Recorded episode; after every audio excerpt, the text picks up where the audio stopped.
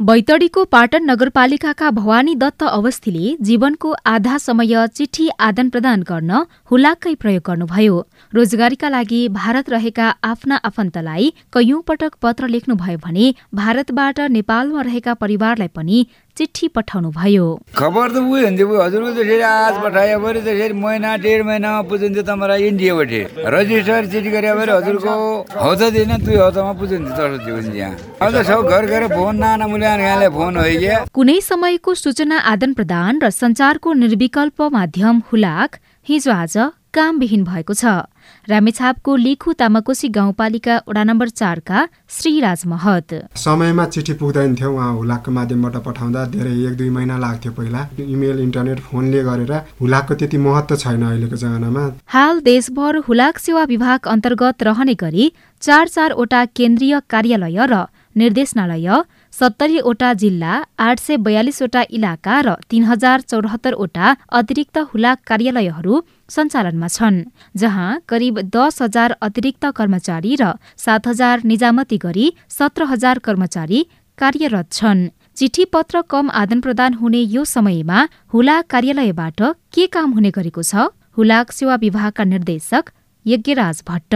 एउटा राजधानी विभागसँग राजधानी ढुवानी सम्बन्धी सेवा विभागको क्षमता अनुसार चाहिँ प्रमाणीकरण सम्बन्धी कागजात पनि हाम्रो सुरु हुन्छ यातायात व्यवस्था विभागका सम्बन्धित रेटहरू चाहिँ काठमाडौँमा रहेका यहाँबाट बुझेर सम्बन्धित यातायात व्यवस्था कार्यालयहरू जिल्लामा चाहिँ पठाउने काम पनि त्यो पनि सुरु भएको छ। सरकारी प्रक्रियाका कतिपय चिठी पत्र आदान प्रदानको काम अझै पनि हुलाकबाट हुने गरेको कर्मचारीहरू बताउँछन्। देशभरका करिब चार हजार हुलाक सेवा कार्यालय सञ्चालन र कर्मचारी व्यवस्थापनका लागि सरकारले वार्षिक तीन अर्ब बढी बजेट खर्चिँदै आएको छ।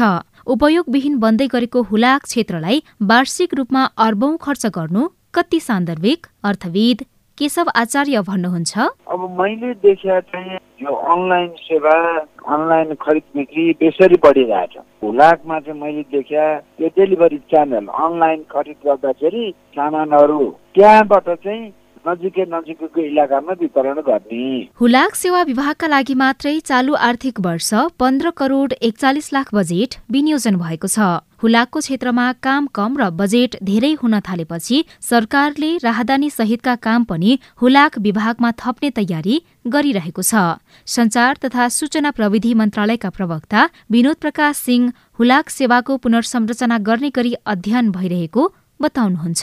पत्र पुलिन्दा अब विशेष गरी जुन सेवा दिइरहेको थियो परम्परा हुनाले विद्युतीकरण गर्ने आवश्यक छ र आधुनिक हुनलाई अगाडि बढाउनु पर्ने आवश्यक छ। र त्यसको लागि केही ठाउँहरूका यो हाम्रा कार्यालय मर्द हुन सक्ने हुन सक्छन् स्थानान्तरण हुन सक्ने हुन सक्छन् भने केही ठाउँमा थप स्थापना हुन सक्ने हुन सक्छ। चिठी पत्र मार्फत खबर पठाउन र लिन विक्रम सम्बत उन्नाइस सय पैंतिसमा तत्कालीन राणा प्रधानमन्त्री रणदीप सिंहको पालामा नेपाल हुलाक घरको स्थापना गरी हुलाक सेवाको शुरू भएको थियो। परम्परागत समयमा हुलाकको महत्व रहे पनि मोबाइल फोन सहित इन्टरनेटको पहुँच विस्तार भइरहेको वर्तमान अवस्थामा हुलाक सेवाको नाममा राज्य कोषको खर्च मात्रै भइरहेको छ। उषा तामाङ सिआइएन काठमाडौँ।